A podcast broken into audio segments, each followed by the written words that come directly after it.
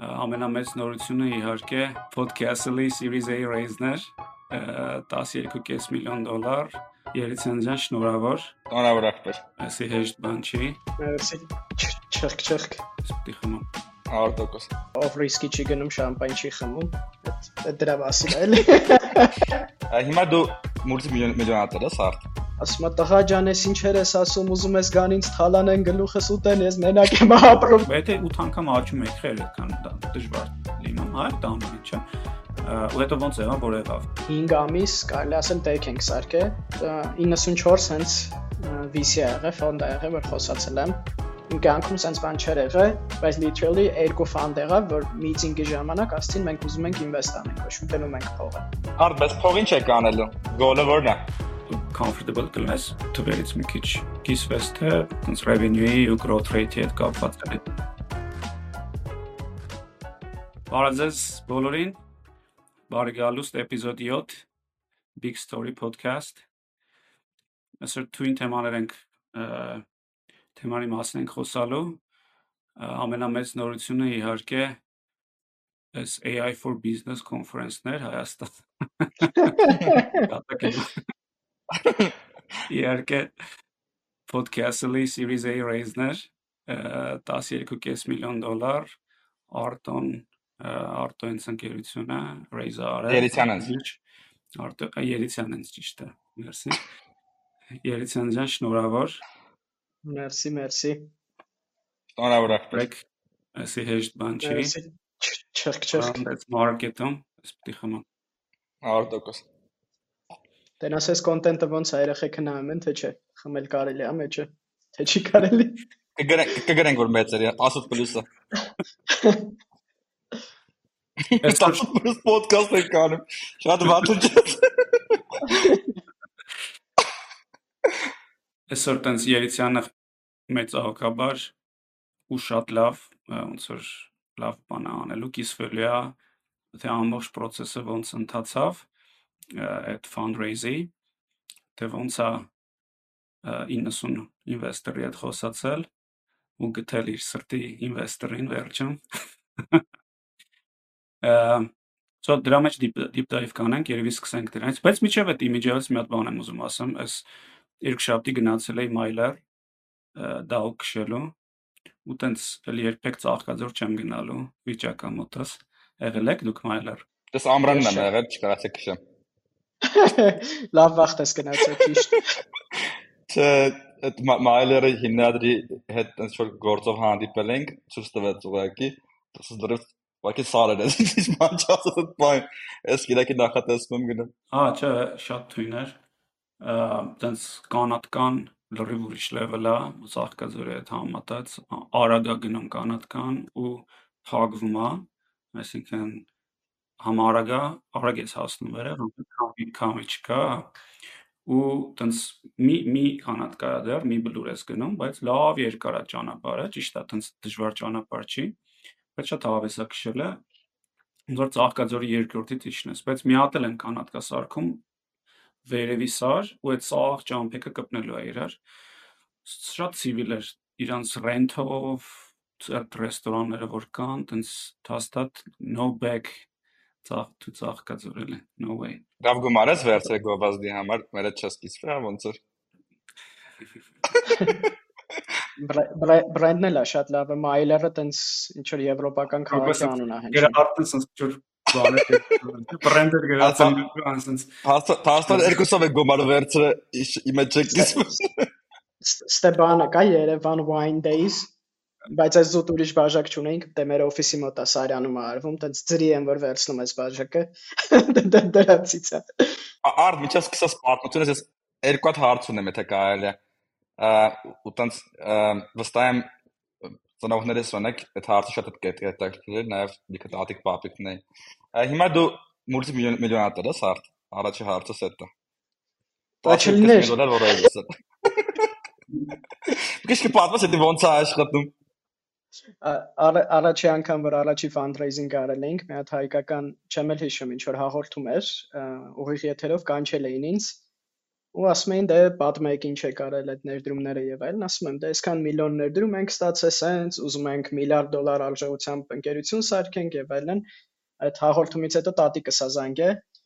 ասում է տղա ջան ես ինչեր ես ասում ուզում ես գան ինձ թալանեն գլուխս ուտեն ես մենակ եմ ապրում դու միլիարդերից ես խոսում ու եթերով Պոդքասթը նայում ա տատիկը դե։ չէ ոնց է Ոչ տաս։ հա մի, մի քիչ այդ մասով պատմում ինչ անե տարօրինակ կարա հնչի ստարտափ սկսելը ստարտափ անելը տենց կողքից կարող է թվա շատ հավես է ֆաունդերները լիքը փող ունեն բայց իրական ֆաունդերները մտնում են մի հատ մեծ ռիսկի մեջ, որը տենց միջինում 10 տարի տևում է, այդ 10 տարվա ընթացքում դու կարելի ասել տենց գումար չես ունենում աշխատավարձով որպես CEO, եթե CEO-ն ես կամ CPO-ն ես, աշխատում ես այդ ընկերության համար, դու ուղղակի ունես մեծ բաժնեմասեր ընկերության մեջ ու իհարկե կախված fundraising-ներից ինչքան ես կորցնում ու դու այդ բաժնետոմսերը աշխատացնում ես մենակ երբ որ ինչ որ exit է լինում կամ liquidation, liquidity ինչպես ասում են, այսինքն դու կամ վաճառում ես ընկերությունդ կամ public market ես գնում ու այդ ժամանակ նոր քո այդ ցավ աշխատանքը գումարի է վերածվում։ Իհարկե, անցած ոդքասթի ժամանակ էլ էինք խոսում, տենց լինում են, որ տենց երկրորդային շուկայում ես վաճառում ինչ որ բաժնե տոմսերից հետ միջև exit լինելը, որը քեզ որոշակի գումար կարա տա, բայց սովորաբար եթե company-ն լավ աճում է, հիմնադիրները շատ քիչ տոկոսն են տանում, զուտ որ ինչ որ իրենց կյանքում հարմարավետություն ստեղծվի, որտեվ եթե տենց լիքը պարտքեր ունես, մեծ ընտանիք ունես, տենց փող չունես եւ այլն ու պետքա 10 տարի twin startup սարքես, մի քիչ ծանր է լինում բայց ամեն դեպքում ստե ոնց մեր ֆոնդը big story ոնց մեր ստարտափները իրանք մեծ ռիսկ են ու տարիներ ա տևում միջև իրանք գումար են դառնում ու impact են ունենում տենց մատերիալ հիմնադրի վրա դրա համար այդ միֆ է էլի որ տենց եթե fundraising ես արել հարստանում ես միանգամից մենակ հիմնադիրները չէ չէ ասենք կարա թիմը secondary-ին մասնակ ոնց ոնց որ սովորաբար լինում է ֆիրմայի որոշումը այսինքն որտեվ այդտեղ դա այդ հարցը մեզ օրինակ շատ են տալիս, ասում են կարանք ենթարենք հիմա secondary-ով ծախենք ինչ-որ բան, բայց այդ սովորաբար լինում է funding event-ների ժամանակ, որտեվ մեծ նա նախի ժամանակ կան առնողները, հա։ Երկրորդը այդ ժաման բավականին մեծ legal գործ կա էլի դա անելու համար։ Չէ՞ ինչ-որ պլատֆորմաներ կան, չէ՞, որ ավելի լեզ թե ստարտափների համար է դա Այսինքն պետք է խոսքի չեմ Canva-ի նման կամ Figma-ի նման հայտնի լինես, որ այդտեղ մարդիկ հեշտ ուզենան առան, էլի։ Հիմա կարտան է փոխել ինչ-որ բասարկի։ Չէ, փագեց ոնց որ թե Փագեց այդ business division-ը։ Փագեց, բայց լավ կլիներ։ Չէ, կա էլի, մի քանի պլատֆորմա կա, ուղղակի ոնց որ եթե դու Series A startup ես կամ Series B startup ես, ասենք սովորական ինվեստորը շատ ռիսկային է իր համար, էլի գա այդպես շոտ ակցիա առնի, դա հիմնականում երբ որ արդեն պետք է գնաս IPO-ի, արդեն 100 միլիոն դոլարների վաճառք ունես ստաբիլ մեծ ընկերությունա, բայց դա public չի, այդ ժամանակ այդ պլատֆորմաները լավ էֆեկտիվ են, էլի։ Դա օրինակ է բանը է, որ ֆաունդերների ռիսկը որն է, իրանք դու գնում ես, չեմ 10 տարի տևել է։ Մի թեմայի մեջ ես մտնում, որը 10 տարի լինում է հաճախ սկզբից ոչ մի աշխատավարձ չես ստանում, ընդհակառակը քո գրպանից ես ինչ որ գումար դնում, այդ շատ քիչ մարդիկ է գնում այդպիսի այդպիսի ռիսկի էլի, ու այդ դրա մասին նույնիսկ չեմ էլ խոսում էլի շատ, բայց դա ռիսկ է, այսինքն օր ու գիշեր չես քնելու, երկար ժամանակ ստրեսային է շատ, բան, դու գնում ես այդ դրան, հա ու հա ինչ որ եղանակներ թղթի վրա ես հարուստ մնում։ Հա, երկար ժամանակ թղթի վրա ես հարուստ մնում ու բայց եթե ամեն ինչ լավ է գնում վերջում դու թիմը ինչ որ լավ ֆինանսական reward եք ստանում էլի Տենց մի հատ արտահայտություն կա, ով ռիսկի չի գնում, շամպայն չի խմում։ Այդ դրա մասին է, էլի։ Բայց հիմա նա չի որ շամպայնը էժանա ոնց որ ուզի կարա խմի, էլի։ Ռիսկի կապցունի էլ։ Դա 200 տարի առաջ է եղել այդ խոսքից դու։ Ավես գիտես, 2000 դրամից կսա շամպայն կա որ միշտ տրակել են այդ շշերը, գիտեք, այդ դրա պատմությունը։ Դրա այդ այդ այդ որ իրոք ռիսկ է եղել շամպայն խմելը, որտեղ բացելուց տրակել է այլ շշը։ Okay։ Ահա լավ պատմություն է։ Cool, շատ լավ։ Երիցան ջան, կարողա տենց մի քիչ պատմես process-ից, գիտեմ որ բավականին դժվար է եղել, ահագին ստրեսային է եղել, երբ հա, մի խոսքով ոնց ոնց կուզես մենք էլ հարցեր կտանք ինձ process-ի մեջ ահագին օգնել են իմ չայերը, ես տենց թեյեր եմ տարբեր տեսակի սիրում, հիմնականում հանգստացնող, ոնց որ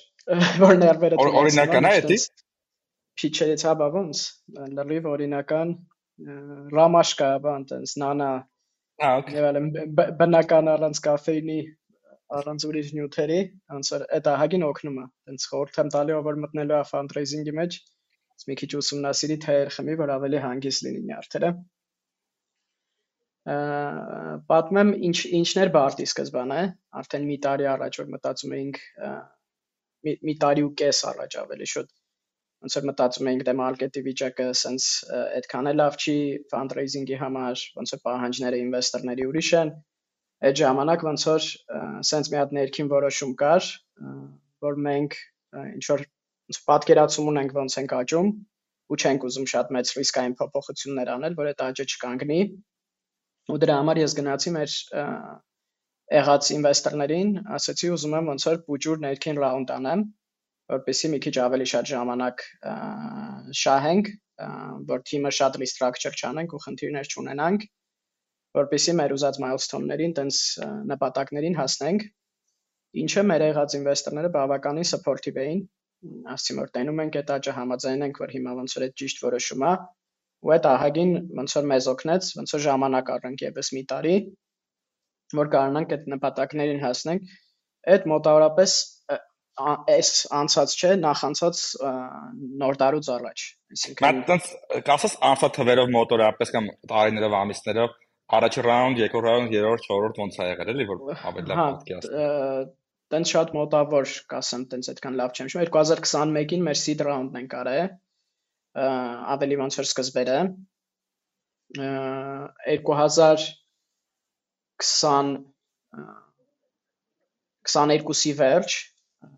արել ենք այդ bridge round-ը, որ ես ասացի, որ գնացել եմ ինվեստորներին ասել եմ, որ մեզ մի քիչ ժամանակ է պետք, ու արխային պետք է զգանք։ Իրականում գումար ունեինք, ոնց որ մի տարվա runway ունեինք, բայց ուզում էինք ավելի հանգիստ ոնց որ execute անեինք,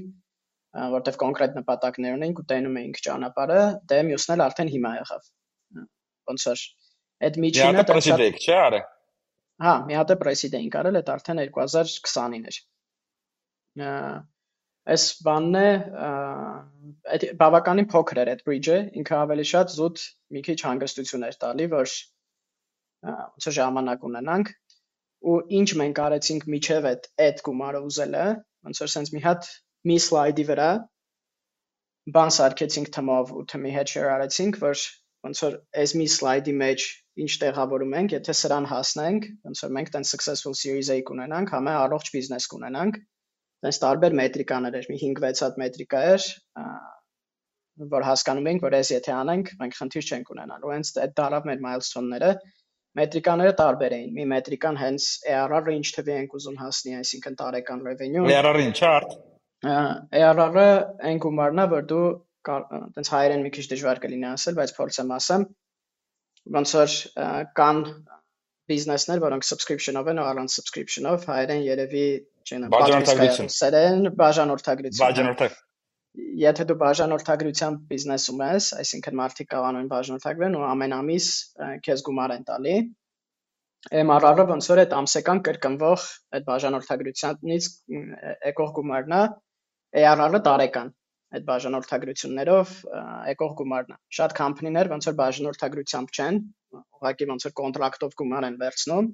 իրանց մոտ հիմնականում ARR կամ MRR չի, իրանց մոտ կոնտրակտի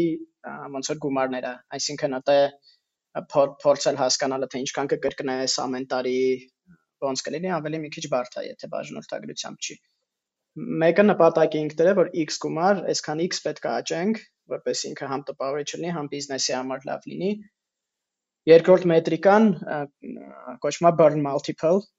այդ է բացատրեմ ինչ ինչա burn-ը ու burn multiple-ը ինչա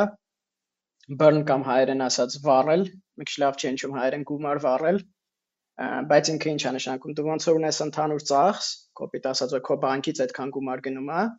ունես ինչ որ եկամուտ, որը գալիս է քո բանկ, այդ տարբերությունը ոնց որ այդ եկածածի ու գնացածի կոչվում է burn, այսինքն ինչքան դու ավել գումար ես վառում, որ քեզ ներդրումներ են պետք։ Burn multiple-ը ուղղակի հաշվում ես ամեն ամիս ինչքան ես դու ARR ավելացնում absolute թվով ու այս թիվը ոնց որ բաժանում ես այդ թիվը burn-ը բաժանում ես այդ թվին ստանում ես մի հատ թիվ։ Մենք դրել էինք նպատակ, որ թիվը 1 պետք է լինի։ Այսինքն մենք ամսեկան ինչքան փող ենք վառում, այդքան ARR-ը պետք է ավելացնենք։ Որպեսզի այդ համարվի տենց լավ բիզնես, լավ առողջ ոնց որ բիզնես մոդել համարվի։ Այդ մյուս նպատակներ։ Ես մտ հարց ունեմ, էլի կներես։ Բայց ավելի լավ չի profitable լինել, շահութաբեր լինել, էլի։ Չի պետք է հավառես, էլի։ Այդ այդ հարցը միշտ տալիս են ինվեստորները։ Հա, այստեղ մի հատ տրամաբանություն կա, մենք էլ էինք մտածում, որ ոնց որ շահութաբեր լինելը ու ոնց որ աճ ունենալը թվում է ոնց որ իրար օգնող բաներ են, բայց շատ դեպքերում կարան իրարը հակասեն նաև, որտեվ այն գործը, ինչ դու պետք է անես շահութաբեր լինելու համար ու աճելու, շատ հաճախ կարան տարբերվեն, որտեղ ռիսկը ինչն է, երբ որ դու աճ ունես, տենում ես, որ աճում ես ու նպատակ ես դնում, որ դու պետք է դառնաս profitable դու սկսում ես ինչ-որ բաներ անել, որ կարողա դու դառնաս profitable, բայց այդ rate-ը աճման որ ունես, կանգնացնես, ավելի դանդաղ լինի, ավելի դանդաղ գնա։ Ու հիմա տենց թվում է թե լիքը ինվեստորներ ասում են, ոնց է profitable լինելը լավ է, բայց real fundraising-ին որ գնում ես, եթե growth չկա, բայց դու profitable ես, ոնց որ ոչ մեկ չի ուզում invest անի քո company-ում։ Ոնց որ հա լավ բիզնես ունես, բայց ոնց է դառնալու 100 միլիոն revenue ունեցող բիզնես, եթե growth չունես, բայց profitable ես։ Հետո դրա համար այդ burn multiple-ը ինչով է ակնում, ոնց որ ինքը հենց այդ բալանսն է։ Ինքը ոնց որ ցույց է տալի դու որ ուզես կարաս profitable դառնաս, բայց դու growth ունես, չես դառնում profitable ու այդքան burn անելը բոլոր VC-ները okay են։ Սոր կարաս այդքան burn անես, այդ թույլատրելի burn-ն է դրա համար էլ այդ ոնց որ այդ multiple-ը հաշվելը տենց լավ լավ տարբերակ է մյուս նպատակը նպատակներից մեկը այդ ամեն ինչից բացի նաև payback period-ներ լավացնելը այդ payback period-ը ինչն է ինչքան ամսում ես այդ ծախսած մարքեթինգից sales-ից ամեն գումարը ոնց որ հետ բերում մենք նպատակ էինք դրել որ ինքը 6 ամսից կարճ լինի այսինքն SaaS բիզնեսների համար նմանատիպ ընդունված է նույնիսկ 12 ամսից կարճը լավ է բայց 6 6 ամսից կարճը ոնց որ ավելի լավ, շատ լավ է համարվում, ոչ թե լավ, ավելի great է ոնց որ համարվում։ Ու ոնց որ այդ մետրիկան էինք դրել։ Մի անգամ էսի խոսում էինք, որ կա poker բիզնեսների, եթե B2B-ում ենք նայում, կա poker բիզնեսների software-ներ, միջին բիզնեսների ու մեծ բիզնեսների։ Poker բիզնեսներում է մինչև 6 ամիսը համարվում լավ, եթե դու աշխատում ես poker բիզնես բերելու վրա, որովհետև հեշտ է poker բիզնես բերելը։ Իսկ կանակ եթե ուզում ես բերես Ամերիկայի կամ Եվրոպայի մեծ բանկերին, որոնք ասենք կամ մեծ ընկերություններին, այդ ժամանակ նույնիսկ 18 ամիսը կարա օքեյ լինի, ինչի որովհետև եթե այդ մեծ կլիենտ ես բերում, դու կարաս տարիներով իրան պայես 5, 7, 10 տարի կարա ինքը մնա քո հետ, դա արդարացված է, առաջի 18 ամիսը ծախսն է գնում, հետո եկամուտն է գալի, էլի։ Այդ քո ասած մետրիկան փոքր բիզնեսային է վերաբերում, էլի։ Ու ճիշտ է, ու ու մյուս մետրիկան են անց անգամ որ խոսացինք անցած ոդքասթին net revenue retention-ը, ոնց որ դա մյուս մետրիկան էր, որ մենք գիտեինք, որ ինքը շատ լավը մեր բիզնեսի համար չի կարա լինի, որտեղ մենք target ենք անում այնց audience-ներ, որ իրանք այդքան sticky չեն, կպչուն չեն իրանց nature-ով, բայց մենք նպատակ ենք դրել,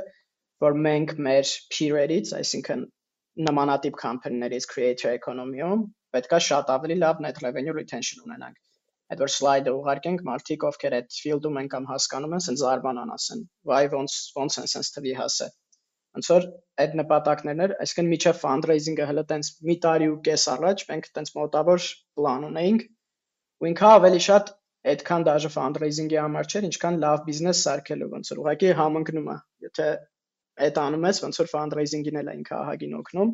բայց իհարկե fundraising-ի ժամանակ լիքը ուրիշ բաներ կա, պետք է համոզես, աստղեր կա, որ պետք է ոնց որ լավ տոկոսը որն է net revenue net revenue retention-ին այդ SMB սեկտորում փոքր բիզնեսներ բերելու Ուղղի չի կարա մեծ լինի։ Հա, փոքր բիզնեսներում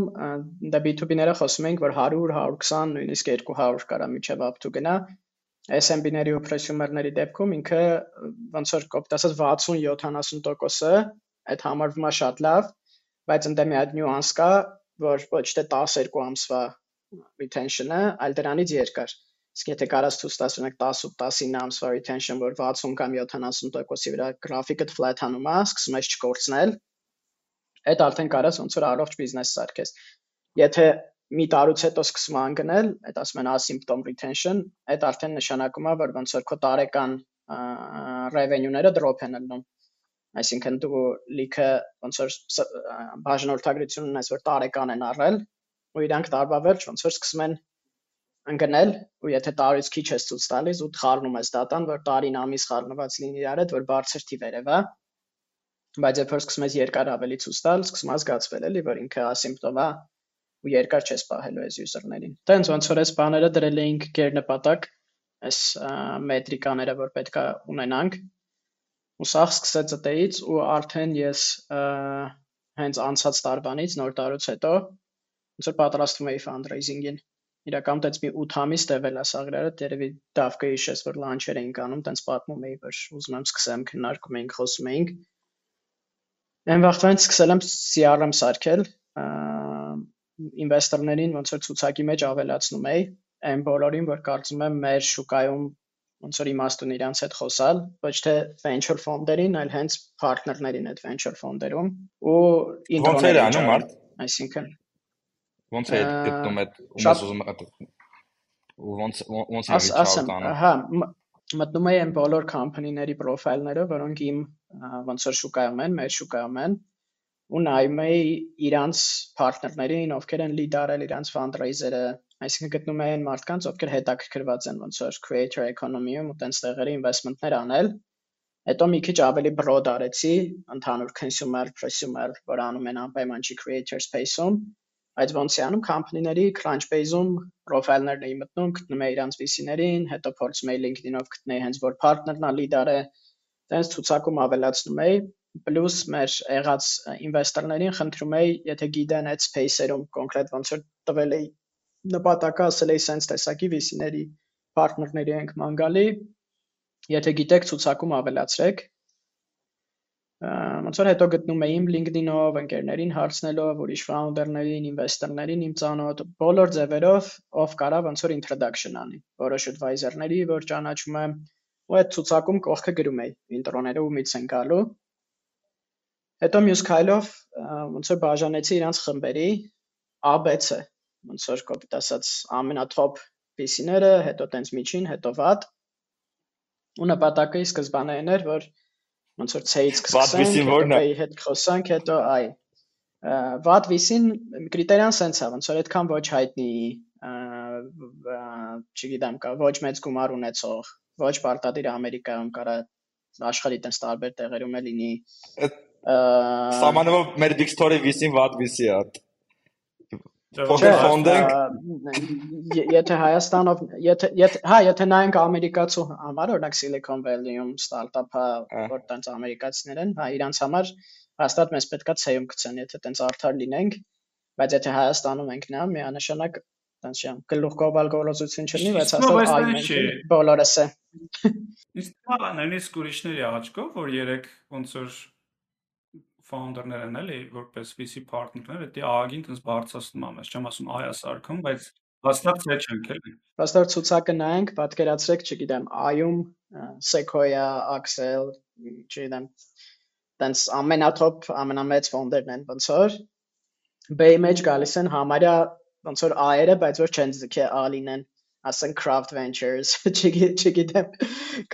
գնում են ավելի ոնց որ B-ի մեջ նոր ցեն ոնց որ մնացած բոլորն են, թե չէ ընդ tiling-ը կարելի է ավելի շատ ոնց որ անել։ Այդ բաժանումի նպատակն է ինչ էր, ոնց որ տենց fundraising մենք գիտակցում ենք, որ չի լինում, որ դու գնաս սախ հարցերին պատրաստ լինես, խզարես, սախ ճիշտ pitch deck-ումդ գրած լինես, լիքը սովորելու բան լինելու ու չես ուզում քո շանսերը կորցնես ոնց որ լավ VC-ների վրա, որոնց կուզենաս ինվեստ անեն ու հենց ի սկզբանե վատ տպավորություն թողես Դե բայց դե ընթացքում կարևորը որ իրոք ռեֆլեկտ լինես, սովորես այդ ինչ որ ասում են, տենց գորոշ չլինես, էլի որ տիպը չեն հասկանում ինչ են ասում, այլ փորձես հասկանաս ինչ ինչի են տենց ասել, որտեվ մի հատ պահ կա, որ ես գիտակցեցի այս սա fundraising-ի ընթացքում, որ տենց բան չկա, էլի որ ինչ որ բան VC-ին չի հասկանում դու դրանից նեղվես, դու ինչ որ բան գիտես, իրանք չեն հասկանում, պետքա գիտակցես, որ քո գործն է իրանց հասկացնելը, ոնց որ եթե չես կարացել հասկացնես, մեկա դու ես մեղավոր։ Ոնց որ կոպիտ ասած ու ոնց որ այդ մեսեջի վրա պետք է աշխատես, որ կարողանաս հասկացնես, որտեղ fundraising-ն էլ է տենց գործ, ու հիմնականում վիսիները չեն հասկանալու, որտեղ միլիոն հատ company են նայում, սաղուրը տենց բաներ են լսում։ Այսինքն եթե դու զգում ես, որ VC-ին վերջում դու սա եկե չհասկացած քո բիզնեսը ինչ է, քեզ լիքը տարօրինակ հարցեր ա տալի, հիմնականում դու դու լավ չես cover արել այդ մասը կամ նենց չես արել, որ ոնց իրան ավելի հասկանալի կլներ, այսինքն դա լիքը գործ կա, էլի։ Ու այդ այդ բաժանելուց հետո հաջորդ քայլը երևի տենց 5 ամիս կարելի ասել դեք ենք սարքել։ Իհարկե 5 ամիս տենց full time չէ։ Ոնց որ ընթացքում սարքել back-end work, այս process-ը տենց շուտվանից գնացել է։ Թե ոնց պետքա լինի դեքը։ Ու մի հատ կարևոր բան, որ մեզ շատ օգնեց, որ կրեդիտ տանք նաև մեր եղած ինվեստորներին, լիքը իրանցից ոնց որ օգնություն ենք ստացել ու խնդրել ենք լիքը բան օրինակ դեքը միասին ենք աշխատել ու սենց լրիվ կոլաբորատիվ կոմենտներով, բաներով իմ նպատակը ինչն էր, ոնց որ ունենք VC-ներ, որոնք ինձնից լավ են հաստատ հասկանում ոնց է VC-ն նայում դեքերը, ոնց է նայում պատմությունը, ու խնդրել էի, որ կոմենտները նենց անեք լրիվ ձեր տեսանկյունից, հասկանում եք, փող կդնեիք սենց բիզնեսի մեջ, թե չէ, ինչ եք կարծում լավա պատմությունը գնում, որտեղ խնդիր կա, որտեղ չկա, ու բավականին լավ մասնակցություն կար VC-ների մեջից ու դեյքից հետո երրորդ բանը, որ մենք ուզում ենք շատ լավ լինի, որ ասում են, տունը ոնց որ մի անգամ էլ ասցի, որ ուզում ես տունը ծախես, ծախելուց առաջ ֆոտոնոր անելուց մի հատ լավ մաքրում ես, չէ՞, տունը սիրունացնում ես, նկարներ ես կախում, չգիտեմ ինչեր ես անում, այդ ոնց որ ստարտափի համար դատարումն է այսինքն քո թվերը, դաշբորդները, անալիտիկան, այդ ամեն ինչ legal ինչ ունես, երրորդ կողմն է դա, այդ այնց մաքուր սիրուն ու հասկանալի սարքենք, որ ուղարկենք, ոնց որ մի անգամից բացեն, տենան, Էդ էլ էլի ուզեցինք մեր ինվեստորներին ոնց որ խնդրենք դրանում օգնել։ Արմետ հարց տամ էլի։ Ահա։ Ինչի համար են այդ ձեր VC-ները, որ ձեր մոտ արդեն ներդրում են արել, ժամանակ ծախսում մի հատ էլ Series A-ի քեզ օգնում որ ստացվի, էլի ոնց որ արդեն քո գործն է, էլի մեծ հաշվով ինչի պետք է շահագրգռված լինեն, կբացրես մի հատ։ Հա, դե ամենակարևոր բանը, որ իրանք որ գումար են դրել, ուզում են հաջողության հասնես, որ իրանք գումարները կրկնապատկվեն, տասապատկվեն եւ այլն բայց նույնիսկ դա շատ կարևոր է ընթացքում այդ ինվեստորների հետ հարաբերություններ ստեղծել ու պահելը, որ իրանք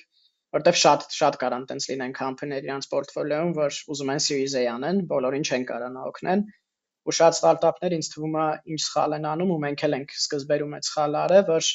ոնց որ սկսում ես product-ը build անել, fundraising անում ես ու կորում ես։ Ոնց որ VC-ների հետ շփվում ես, մեկը մյուս fundraising-ի ժամանակ գալի ասում ես փողերը բրծան, ես շատ քիչ աշխատում եմ մեր VC-ների հետ, բոլորը ին WhatsApp-ում են, անընդհատ ինչ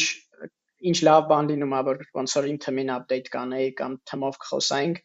VC-ների հետ խոսում եմ, casual իրանց հետ ընկերական ժամանակ եմ անցկացնում եւ ես եմ US-ում լինում եւ իրանք Եվրոպայում հանդիպում եմ այսինքն այս հարաբերությունների մասին է նաեւ երբ որ լավ հարաբերություն ունես քո ֆոնդերի հետ իրանք ուրիշ ձև են քեզ բնականաբար նայում որտեղ քո մասին հիշում են եթե իրանք մեծ պորտֆոլիո ունեն, եթե քեզ հիշում են, արդեն ուզում են օգնեն ու այդ մեր դեպքում շատ լավ է աշխատում, ոնց որ մենք բոլորի հետ լավ կապեր ունենք ու միշտ բոլորին ցանկացած հարցում կլինի hiring թե ինչ, ուզում ենք ոնց որ նենց անենք, որ իրանց խոստումները երբ որ փող էին դնում, կատարեն ոնց որ ասում ենք դուք մեզ ասել եք որ hiring-ում կօգնեք եւ այլն ոնց որ ես բավականին push եմ այդ հարցում VC-ների հետ աշխատելուց ու եթե առիթներ առնում օրինակ որ ինչ որ մի բան խոսք են տվել կամ նենց չեն արել ոնց ոնց որ կարելի էր անել կամ ոնց ասեն ես միշտ ասում եմ դրա մասին խոսում եմ գրում եմ օրինակ այս հարցում դուք չօգնեցիք բայց ես կարծում եմ կարայիք օգնեիք կամ ավելի պրոակտիվ լինեիք չինեմ այս բանը չեք նայում եւ այլն կամ որ ինչ որ հարց են տալի օրինակ ես արդեն ուղարկել եմ այդ հարցի պատասխանը կամ հատուկ գործ եմ արել դրա համար ասում եմ նայեք եւ այլն վերաբերում եմ որպես թմի անդամ sense ասեմ որը որոնք իմ հետ company-ին սարքում են ու այդ վերաբերմունքից ինչ որ կետից իրանք են սկսում տենց վերաբերվել էլի ինչը ինձ թվում է կարևոր է սովորացնում ես լիսիներին ոնց աշխատեն հա? Դե տենց սովորացնել չէ ավելի շատ ինձ թվում է իրանք բոլորն է երբ որ տենց founder-ը proactive է իրանք էլ են proactive ինձ թվում է founder ավելի շատ իրանք ակտիվ չեն, երբ որ founder-ներն է ակտիվ չեն։ Այսինքն երբ որ բան չես ուզում, չես հարցնում, իրանք է բան չեն տալի։ Ավելի reactive են լինում, էլի։ Ինչը նորմալ է, ինձ թվում է։ Իսկ ալճիշտ Երեցյան, իսկ այդ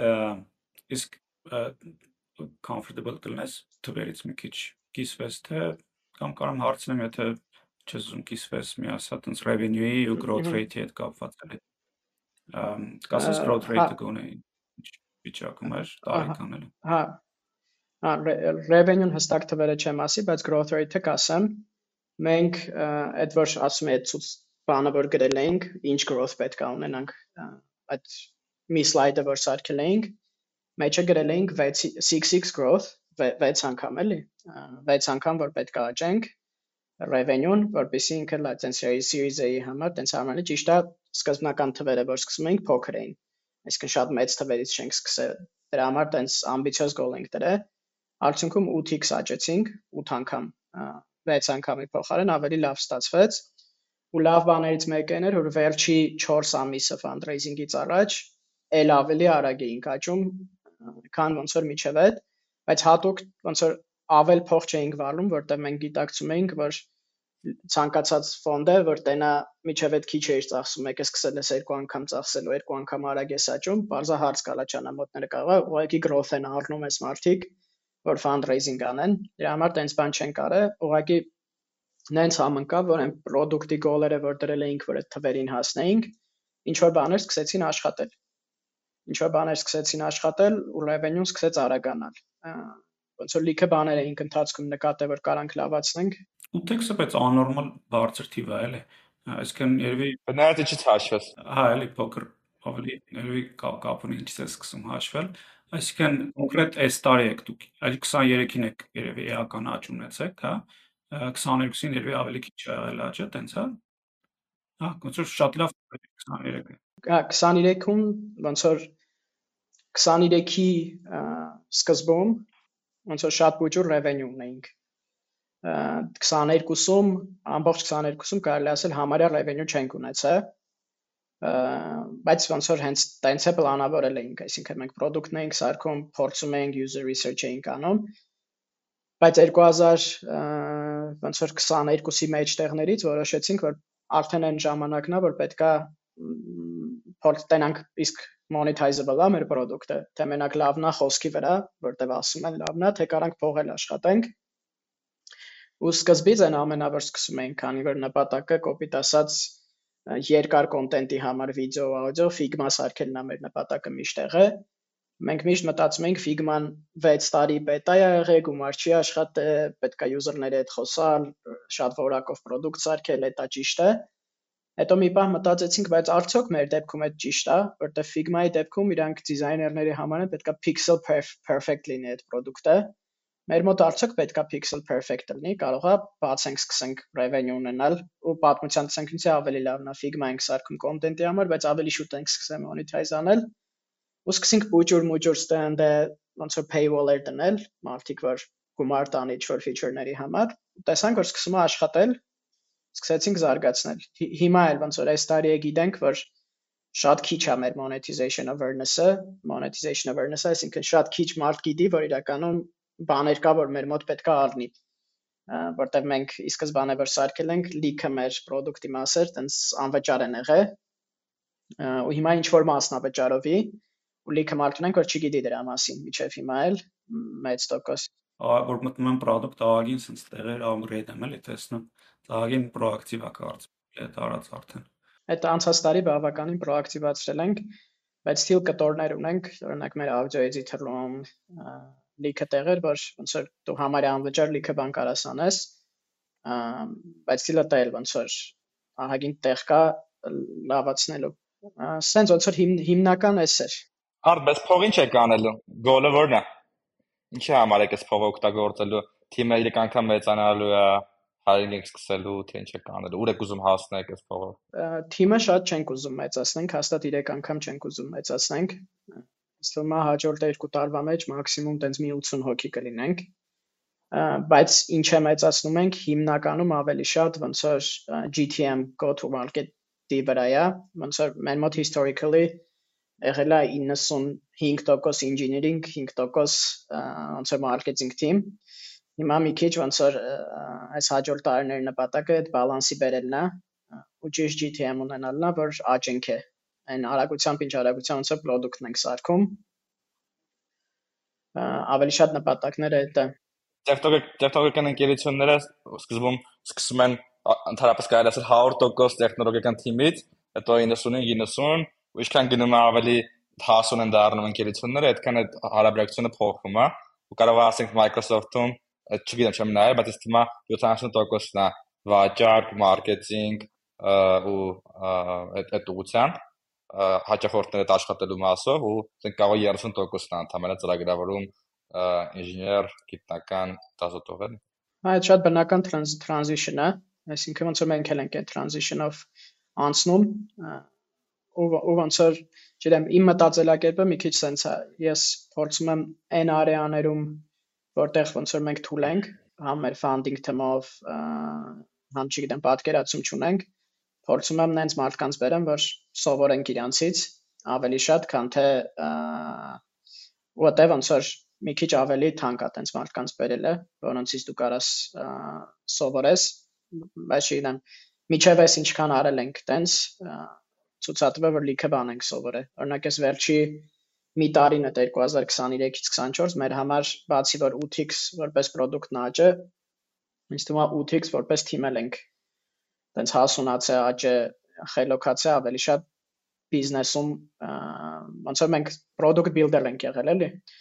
ավելի ոնց որ բիզնեսմեն ենք դառել ու բիզնեսից ենք սկսել լավ հասկանալ բավականին ինչը նաև մարքետի տենց կլիմատը ոնց որ օգնեց մեզ այդ ամեն ինչը սովորել արագացնել, accelerate անել։ Բայց շարունակենք էլի իրականում այսքան եկանք նրա վրա որ քո ինվեստորները աղագին օգնեցին, դե կնայեցին, դե կա ավելի լավացավ բայց գիտեմ որ մեկը շատ դժվար է եղել, այսինքն եթե ճիշտ եմ հիշում, ասցիր 90 տարբեր, չգիտեմ, տարբեր դրանք վիսիներ էին, թե 90 հատ քոլեր, թե 90 հատ մարտիկ էին, բայց ավելի քիչ վիսիներից, բայց դրա մասին կպատմես խեր, բայց եթե 8 անգամ աճում եք խեր, այդքան դժվար լինում, հա, դա ամեն ինչը։ Ու հետո ոնց եղավ, որ եղավ։ Պատ պատմեմ այդ մասով, այդ մասով 94 հենց VC ա եղել, ֆոնդ ա եղել, որ խոսացել եմ, քոլերը շատ ավելի շատ ա եղել ու ինչի ոնց որ եթե լավ էր թվերը այդ ամեն ինչ չէր լինում սկզբից առաջի բանը առաջի շաբաթը որ սկսեցի այդ C level VC-ների հետ խոսալը առաջի բանը որ զգացի ոնց որ դեքը որ լավն է մնացածը որ լավն է ամեն ինչ ինտրոները հեշտ են լինում այսինքն հեշտ կոնվերտ ալնում է top of the funnel-ը հեշտ գալիս են ուզում են call անեն ուզում են հետդ խոսան հետո խոսում ենք հիմնականում էլի լավ բարձր conversion կար, որ ուզում էին երկրորդ call ունենային։ Երկրորդ call-ից հետո ինչ որ sense դանդաղում էր սկսում, sense void էր մի հատ դատարկություն էր։ Ու ես չէի հասկանում ինչ բահա ինչի ասենց դատարկություն, վրոդի excited էին call-ի ժամանակ, վրոդի խոսում էինք, ինտրոն լավ էր, ինչ ինչի է այս void-ը առաջացել։ Հետո ահագին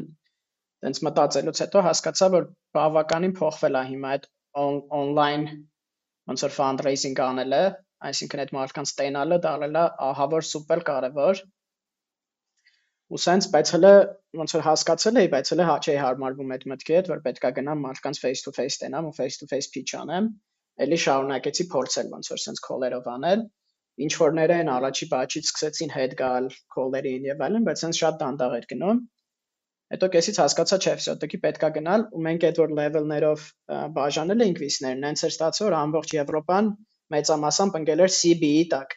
Էի տակ ոնց որ US-ի վիսիներն էին ընթոփ ու ստացվել էր որ եվրոպացիների հետ ենք սկսել խոսալ, ասենց մի հատ միտք առաջացավ,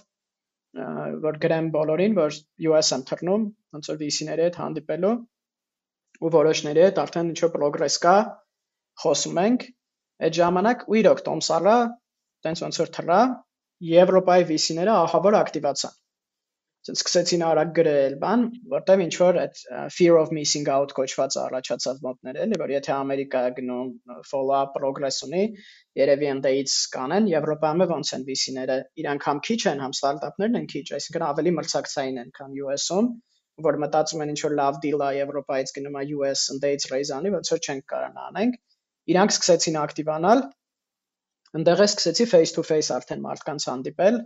US-ում հասկացա, որ լրիվ ուրիշ բան է face to face-ը, ինչքան արագ է move-ելնում ամեն ինչ literally ասենք մեր Արսենի հետ էինք օֆիսի գնացել միասին տենց այդ մի քանի հանդիպումներին իմ կյանքում sense բան չէր եղել բայց literally երկու ֆանդ եղավ որ meeting-ի ժամանակ ասցին մենք ուզում ենք invest անենք ոչ մի դնում ենք փողը այսինքն ոնց որ meeting-ի ժամանակ տենց meeting-ում որտեվ գնում էինք ասենք նստած էինք 10 հոգով գալիս էին 10 հոգի partner բան ու դու sense ոնց որ pitch ես անում drive-ը տաուրան լրիվ ուրիշ է ու ոնց որ այդ immediate բանն էր որ շուտ սկսեի face to face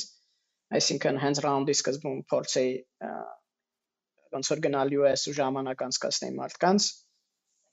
ավելի լավ կլիներ ու ու հա արդյունքում ինչի բերեց հենց այդ ամերիկան որ սկսեցինք progress անել լիքը VC-ների հետ Եվրոպայում արագացան Եվրոպայից ինչ որ բայ սկսեց term sheet-երի նախնական խոսակցություններ որ ուզում ենք term sheet կուղարկենք եւ այլն եւ այլն Արդեն չի ինչ է դա լասա Հա։ Իմ գործը որ ես այս ոդկասթում։ Հա։ Ասա սամոն սամոնը։ Հա, term sheet-ը այն դոկումենտն է, որ կոպիտ ասած, որով դու handshake ես անում, այսինքն VC-ի հետ արդեն ձեռձալ ես տալ, որ մենք VC-ն ասում է մենք պատրաստ ենք այս պայմաններով գումար դնել co-company մեջ, այսինքն դու արդեն ինչ որ թուղթ ունես, որ VC-ն իրոք որոշում ունի, ուզում են անեն, ոնց որ մնում է ստորագրեք Իհարկե ստորագրի փողը նստի այդ առանձին process է, բայց այդ քեզ ինչ որ հանգստություն է տալի, որ արդեն VC-ին լուրջ է commit-ը handshake-ը անում քո հետ, դու ինչ որ deal ունես ու օգնում է մի քիչ leverage-ը տալի, որ դու կարաս արդեն ուրիշ VC-ների հետ խոսաս, ասես ունեմ ես ոնց որ investment, դուք արդեն տեսեք ու ոնց որ արագացնում է։ Առաջի term sheet-ը երբ որ եղավ, այն հաջորդ 3-ը եղավ մի շաբաթում ոնց որ այդ 94-ից 4-ը ու ես sense մի հատ զգացողությամբ դուրս եկա այդ ամեն ինչից որ եթե ես այս ամեն ինչ անեի ընդ մի շաբաթվա ոնց որ արանք կար մի շաբաթ շուտ այդ թռնելը ու term sheet-եր ստանալ կարող ավելի շատ convert լիներ պրոստը ոնց որ այդ ժամանակը երբ ես անում այդ մանյովրները ահա որ կարևոր է մի հատ է մեր մոտ վատ բան եղավ որ այդ վերջի պահերը term sheet ստանալու ընկավ Thanksgiving-ի ժամանակ այդ ժամանակ Ամերիկայում սա կորան ոնց որ լիքը նույնիսկ ֆոնտ կար շատ ոնց որ հայտնի top tier VC-եր իրանց հետ ոնց որ պայմանավորվել են որ արդեն partner meeting-ի եմ գնում ոնց որ եք ես excited եմ partner meeting-ը դա վերջի step-ն է ոնց որ գիտես եթե լավ անցավ term sheet կստանաս մեկը Thanksgiving-ին կորան ոչ պատասխանում են mail-ին ոչ մի բան sense չկան գոյություն չունեն գնացել են հնդկահավ ուտելու հա? Հա գնացել են հնդկահավ ուտելու իրանց արձակուրդներին բաներին ու արդյունքում, չգիտեմ այդ ընթացքում ինչ եղավ, եկան հետ ասին sorry, բայց չենք ուզում անենք partnership meeting-ը, մտածեցինք, սենց ինչ որ բանի համար reject ենք անում, այսինքն այդ վերջի պահը closing-ը իրական լավ դժվար աշխատանք է, որտեվ ինձ բանը բենը մեր Sierra Ventures մի հատ հետաքրքիր բան ասաց, ասաց ոնց որ մենք ամեն տարի սենց պատկերացու չգիտեմ, ենթադրենք օրինակի համար 10 հատ investment պետք է անենք 10 հատ ստարտափում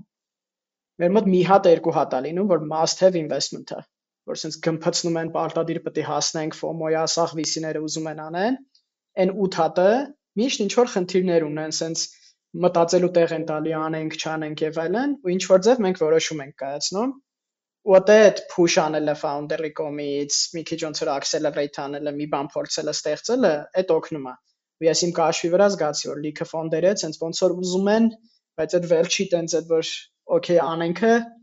sense չի լինում ծամ ծամծմվում է էլի ու լիքը դե դու աշխատանք ունես օրինակ հիմա այդ Thanksgiving-ը չլներ ես եմ մի քիչ push-ի լինեի կարող եմ ոնց որ գնայի այդ partner meeting-ին ու raise անեի բայց երևի գնացել են Thanksgiving մի քիչ մտածել են ավելի շատ են նայել competitor-ների մեջ ավելի շատ կասկածներ առաջացել տենց հետ են եկե արդեն ոնց որ չէին ուզում էլի այսինքն այդ closing-ի պահը կորցրել էինք էլի երկաթը տակ ծեծես տակ տակ հա այդ խոսքը շատ կարևոր է էլի Այդ հետաքրքիր FOMO-ի մասին երկու բառ ասենք, ոնց որ ամենակարևոր երևի բանն է founder-ների համար հասկանալու, ոնց որ FOMO-ն է drive անում, հա, այսինքն ինվեստորների որոշումները, այսինքն FOMO նշանակա fear of missing out, այսինքն երբ որ ինվեստորը մտածում է, որ մի հատ ոնց որ որ կարևոր բան է կորցնելու, եթե ինվեստ չանի։ հա, այդպիսի զգացում է ինքը ունենում, ու երբ որ ունենում է այդ զգացումը, միանգամից ոնց ոնց որ շատ արագ է որոշումներ կայացնում, էմոցիոնալ է դառնում, հա։ Ու ես իմ ոնց որ այս տարիների ընթացքում հասկացել եմ, որ այդ ամենաուժեղ, կարող է միակ, ամենաուժեղ գործոնն է, որ պետքա կարողանա ստեղծես կամ էմոցիոնա, որ կարող պետքա կարողանա ստեղծես ինվեստորի մոտ։ Ու ես իմ big story-ում եմ ի վրա ոնց որ զգացել։ Առաջ ավելի քիչ էի հասկանում, դա big story-ի ժամանակ ավելի շատ եմ հասկանում, եթե երբ որ ինվեստորի այսպես գլխարկն եմ էլի վերած դնում։ Ու այդ դա հեշտ չի ստեղծելը, չէ՞, ասենք այդ ստեղծվում է, երբ որ օրինակ ուրիշ ինվեստոր term sheet տվեց, միանգամից ֆոմոյա իրանց մոտ առաջանում։ Դրա համար դժվարը առաջի term sheet ստանալն է, հա, բայց ոնց այսինքն դժվար է 94-րդ ինվեստորին գտնելն է, որ ինքը term sheet տվեց, դրա համար մի քանի հատ, չէ, երբցն term sheet-ներ ստացվի առաջինից հետո 4 հատ արդյունքում ես challenge անեմ էլի այդ Դավիթ քո ասածը ես մտածում եմ էլի ոնց որ կարող է press-it seed round-ում երբ որ ամեն ինչ կախված է founder-ից, որ պետք է ոնց ներկայացնի idea-ն, ինչքան լավ pitch անի, կամ Series A-ում էլ նույնիսկ էլի։ Բայց ասենք հիմա պատկերացու Crispy կամ ավելի less թե Pixar-ի Service Titan-ի pitch-ը որ անում են, էլի։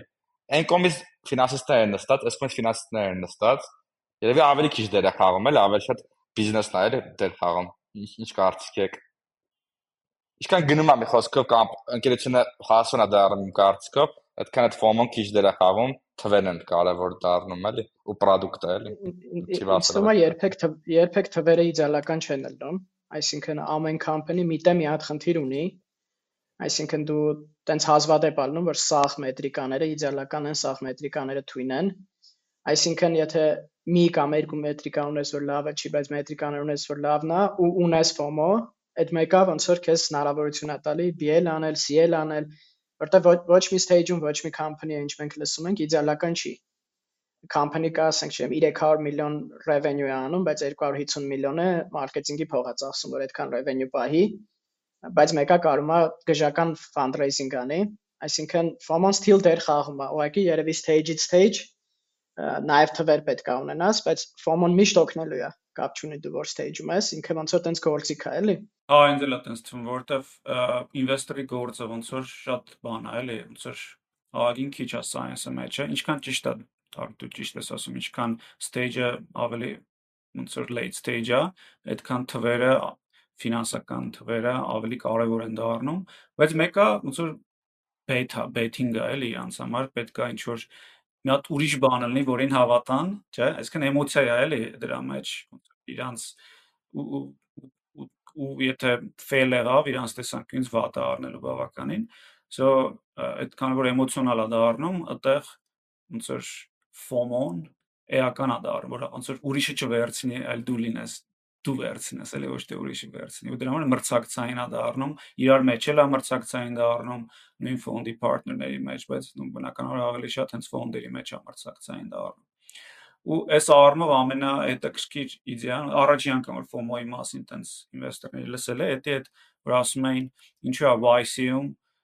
դեմո դեյը մի հատ մի օր էլի ոնց ոնց որ այնց նպատակը այդ ֆոմո ստեղծելն է էլի որ 140 հատ կամպանիայի բերում են բոլորը տենց twin pitch են անում ու տենց 1000 հատ ինվեստորա նստած ու բոլորը գիտեն որ զոր դիլեր են լինելու իրար մեջ մրցակցություն են մտցնում որ ֆոմո առաջանի ու շատ դիլեր են այդ բան կարող նույն դիլը մի ամիս հետո տենց հանգիստ պայմաններում իրանք ինվեստ չանեին բայց այդ բային գնում անում են էլի ու այդ տենց ինչ որ tipping point են ստեղծում Կարծում եմ տենց էլ աշխատում է,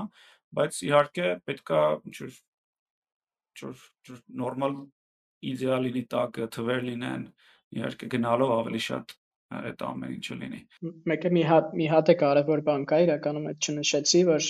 ահավոր էական է առաջի անգամ որ partner-ը հետ ես խոսում այդ ֆոնդից,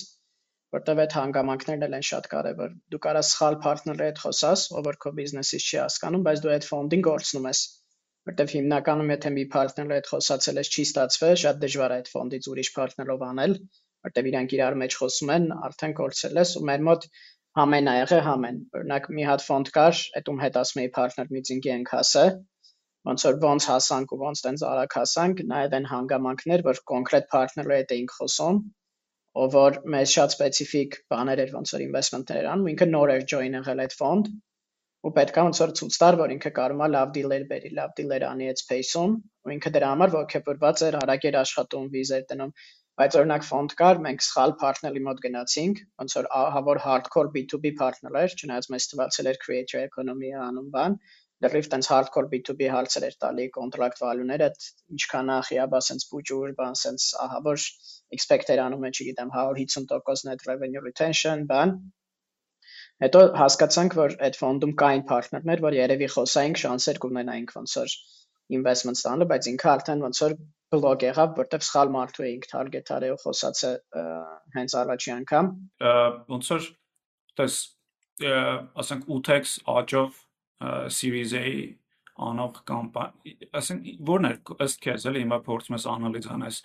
որոնք էին պատճառները, որ մերժում է, մերժում եք ստանում։ Դա շատ շատ ուժեղ թիվ է, ճիշտ է, էլի ոնց որ գնանք հետ նրան, որ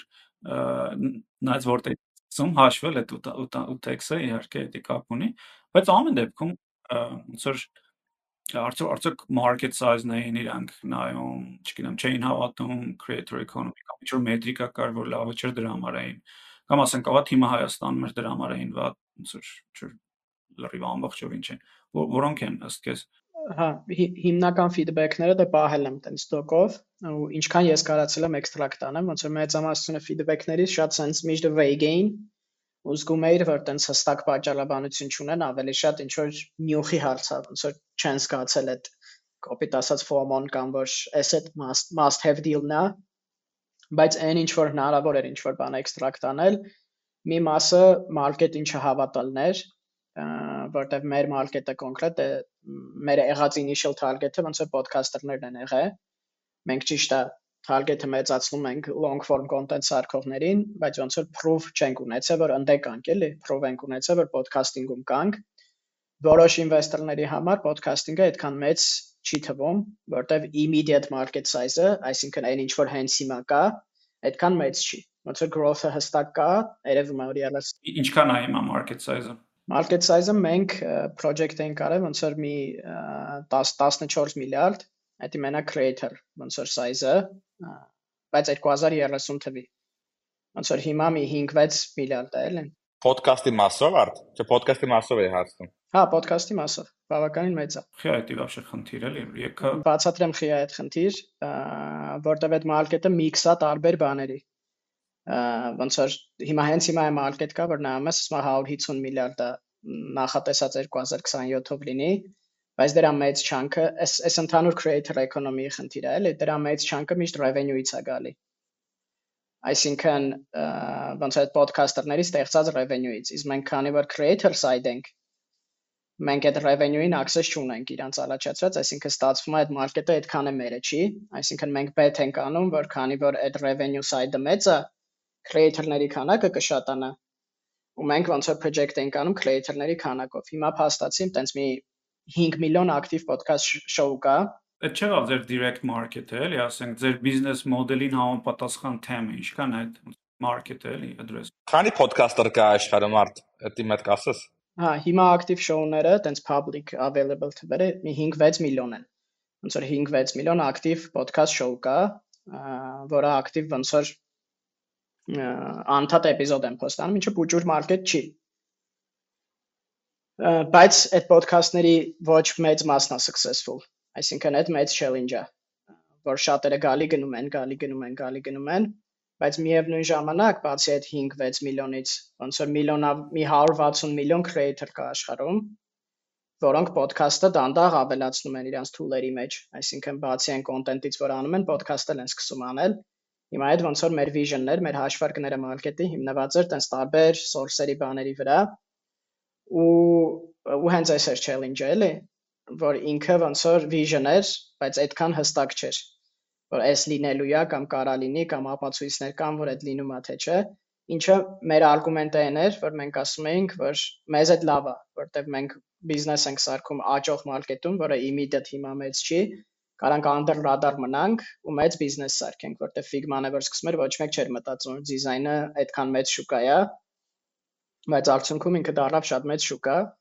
Հիմա մենք նույն բանն ենք pitch անում, բայց հենց pitch-ի կեսից ես լրիվ փոխեցի մարքեթի թվերը, ավելի փոխեցի ընդհանուր creator-ների վրա մեծացրեցի այդ մարքետը, որտեվ հասկացա, որ դա ու conversion-ը փոխվեց։ Զգացվեց, որ դա տենց խնդիր էր, էլի։ Հետաքրքիր։ Այսինքն ուզում ասեմ 5 հիմա ասում ես 5-ից 6 միլիոն ոդքասթեր կա, ենթադրենք ձեզ տարեկան 500 դոլար տալիս ամեն ոդքասթեր։ Չէ, մոտարապես եմ։ Ասենք 2-3 միլիարդ average-ը։ Չէ, ժորտ, իսկ խառնում են, գիտե 5 միլիոն ոդքասթեր կա, բոլորը չեն առնելու պրո տարբերակ էլի, առնելու են 10% կամ 20% եկեք հաշվենք։ Այսինքն միլիոն հոգի է առնելու ու ու ոդքասթը լիգինը 200 դոլարից է սկսում։ Այսինքն եթե 300-ով դաժե հաշվենք, 400-ով հաշվենք, դառնում է միլիոն անգամ, այսինքն 20% conversion rate անգամ այդ 300-400 դոլար, անում է 300-400 դոլարից մարքետ բոլոր թուլերի համար, էլի։ Ոնց որ VC-ի հաշվարկով մոտավորապես սենց էր ելնում Ոչ մեկ չէր կասկածում, որ մենք կարանք հասնենք 20 միլիոն ARR-ի նայելով հիմիկվա մարքետին, բայց սա կասկածում եմ, որ մենք 100 միլիոնի կհասնենք, թե չէ։ Մենք սկզբից ասում էինք, որ այդ հիմիկվա մարքետով ճիշտ է չենք հասնի, բայց այս մարքետը հստակ growth rate ունի 30% տարին տարի վրա, որը լիքը մարքետների հետ համեմատ շատ արագ է իր growth rate-ը։ Մենակ այն որ մենք էլ ենք podcast սկսել, ոնց որ ցույց է տալի ինչ արագ է այս ադապտացվում։ Բայց sense մի հատ է ստատիստ Հա, սենց մի հատ է ստատիստիկա կա էլի VC-ներում, որ իրանց ամենամեծ անձի պորտֆոլիոները հիմնական պատճառը, որ invest չեն արել, որտեղ մարքետի մեջ չեն հավատացել, որտեղ VC-ները մի քիչ նայում են միշտ immediate market-ը, growth rate-ը, քանի որ ինքը forecast-ա, այդքան չես ոնց որ risk չես ուզում վերցնես էլի ինքը որ չկա,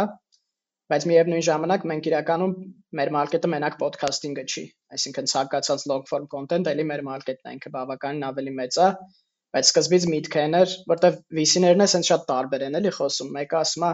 ինձ չի դզում որ գրել եք everything for everyone մեծ մարքետ եք գրել, ես ուզում եմ շատ նիշից սկսեք, բան, հետո scale լնեք, բան։ Երբ որ նիշից ես գրում, ասում են պուջ ուրա։ Ոնց որ այդ այդ այդ մեջտեղը գտնելը, որ ոնց է համ մեծ է, համ դու չես ասում, որ ես ամեն ինչ ամեն ինչի համար եմ, բայց still մեծ մարքետ է ու սենց clear ասում ես այդ մենք կարացանք գտնենք, բայց fundraising-ի ընթացքում ոնց որ սենց սաղ էս VC-ների հետ խոսալով գտանք ոնց որ ոնց ձևակերպենք, որ համ ինքը big enough target-ը, համ չենք ասում մենք սաղի համար ամեն ինչ սարքում ենք, ու շատ vague է դառնում։ Այս շատ հետաքրքիր բան է իմիջից, ոնց որ ես վերջերս տենց մի քանի հայ ստարտափ ֆաունդեր հետ եմ խոսացել ու մարքետը ներկայացրած բական բական չէ, տենց 100-200 միլիոնի մոտ էր լինում ու այդ ոնց որ այդ ոնց որ Այդ կարևոր է էլի նշել, որ VC մաթեմատիկան հենց է աշխատում, որ դա փոքր մարքետ է։ Այսինքն դու կարաս շատ լավ կամպանիա սարքես, չգիտեմ, գնաս 50 միլիոն revenue ունենաս այդտեղ, բայց VC investable է դա թե ոչ, դժվար այլ է ասել ու դրա համար դրա համար են մարդիկ ասում գնացեք մեծ խնդիրներ լուծեք, հա մեծ մարքետներ, լենենց բաներ, որ շատ որ VC, չգիտեմ, ողջևորվելու բանը այդտեղ է նաև որ դու շատ մեծ խնդիր ես լսում, նշանակում է շատ մեծ մարքետ աններ ու դու կարաս ահավոր շատ աճես, բայց ոնց որ միշտ չի այդպես, էլի դու կար, այսինքն ոնց որ հնարավոր է որ դու մի մարքեթում շատ successful ես, հետո երկրորդն ես ավելացնում, հետո երկրորդ երրորդ feature-ն ես ավելացնում, որը չգիտեմ, ավելի մեծացնում ակո թամը, դա էլ է շատ շատ հաճախ լինում, ուտեղ այս կոնտրաստն է առաջանում, չէ՞, VC-ների ու ֆապ։ Այսինքն դու ոնց համոզես, որ չէ, դու գնալու ես, կարողանալու ես expand-ել ես։ Okay, շատ լավ, շատ մերսի իրականում ես կարծում եմ որ այս sense content-ը երբեք հայերեն լեզվով չէր եղել, այսինքն ինչ-որ raise-ի մասին այսքան մանրամասն պատմել, շատ մերսի Երիցյան ջան, որ սենց բաց ներկայացրեցիր քո ամբողջ փորձը, ինձ թվում է շատ մարդկանց։ Չէ, բայց բացի revenue-ի թվից, դա չի չներկայացրած։ Իմ համար ամենա հետաքրքիրը դա է։ Մնաց գարիկ։ Մի օր կասենք։ Լիքը մարդ լիքը բան հասկանալու ու երևի նաև կարող գա քո մոտ, չէ, հարցերի դեպքում ոնց որ reach out անեն, հարցնեն եւ այլն։ Մեծ ուրախությամբ կօգնեմ։ Դե շատ էս սուպեր էր Երիցան ջան, մերսի շատ։ Էլի մի հատ էլ ենք շնորհավորում, կայֆ է, մեր մեր էկո համակարգի համար թույն նորություն էր։ Մեր ոդկասթի համար էլ էր թույն նորություն։ Ամեն podcast-ի համար է արվում ինչ արվում։ Ես դրա համար եմ fundraising արել։ Որ ասեն credibility կա, չէ՞, հա, իհարկե, գիտենք ինչի մասն ենք խոսում։ Դույն, էլի շնորհավորում ենք, դե ինձ թվում է այսքանը։ Մերսի շատ ապրեք։ Այսօր աղի խոսացինք։ Մերսի բոլորին։ Շնորհավոր ենք, պակա։ Հաջողություն։